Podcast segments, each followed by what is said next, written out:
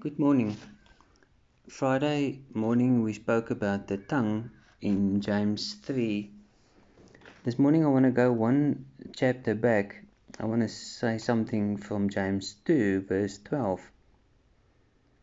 Speak and act as those who are going to be judged by the law, going to be judged by the law that gives freedom.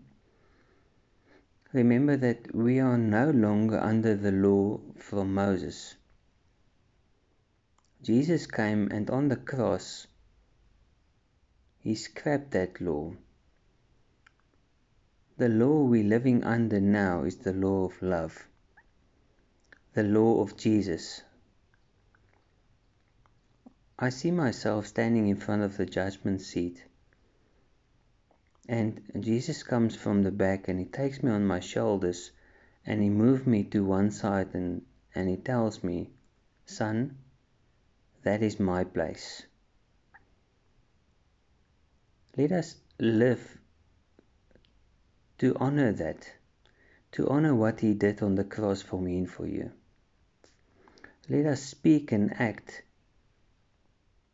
with faith, with dignity, with God's integrity to and from people around us. And even what we do, how let us do everything what we do to honor God, to honor Jesus Christ. Let's pray. Father, thank you so much for for all your blessings, for your for your grace in our lives. Thank you, Lord, that we can experience your favor. And thank you, Lord, that, I'm, that we're no longer under the law of Moses. That Jesus came and he scrapped that. We are living in the love of Jesus Christ. Help us to live it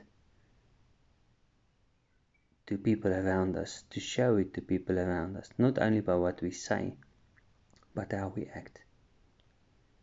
I pray it in Jesus' name. Amen. Shalom.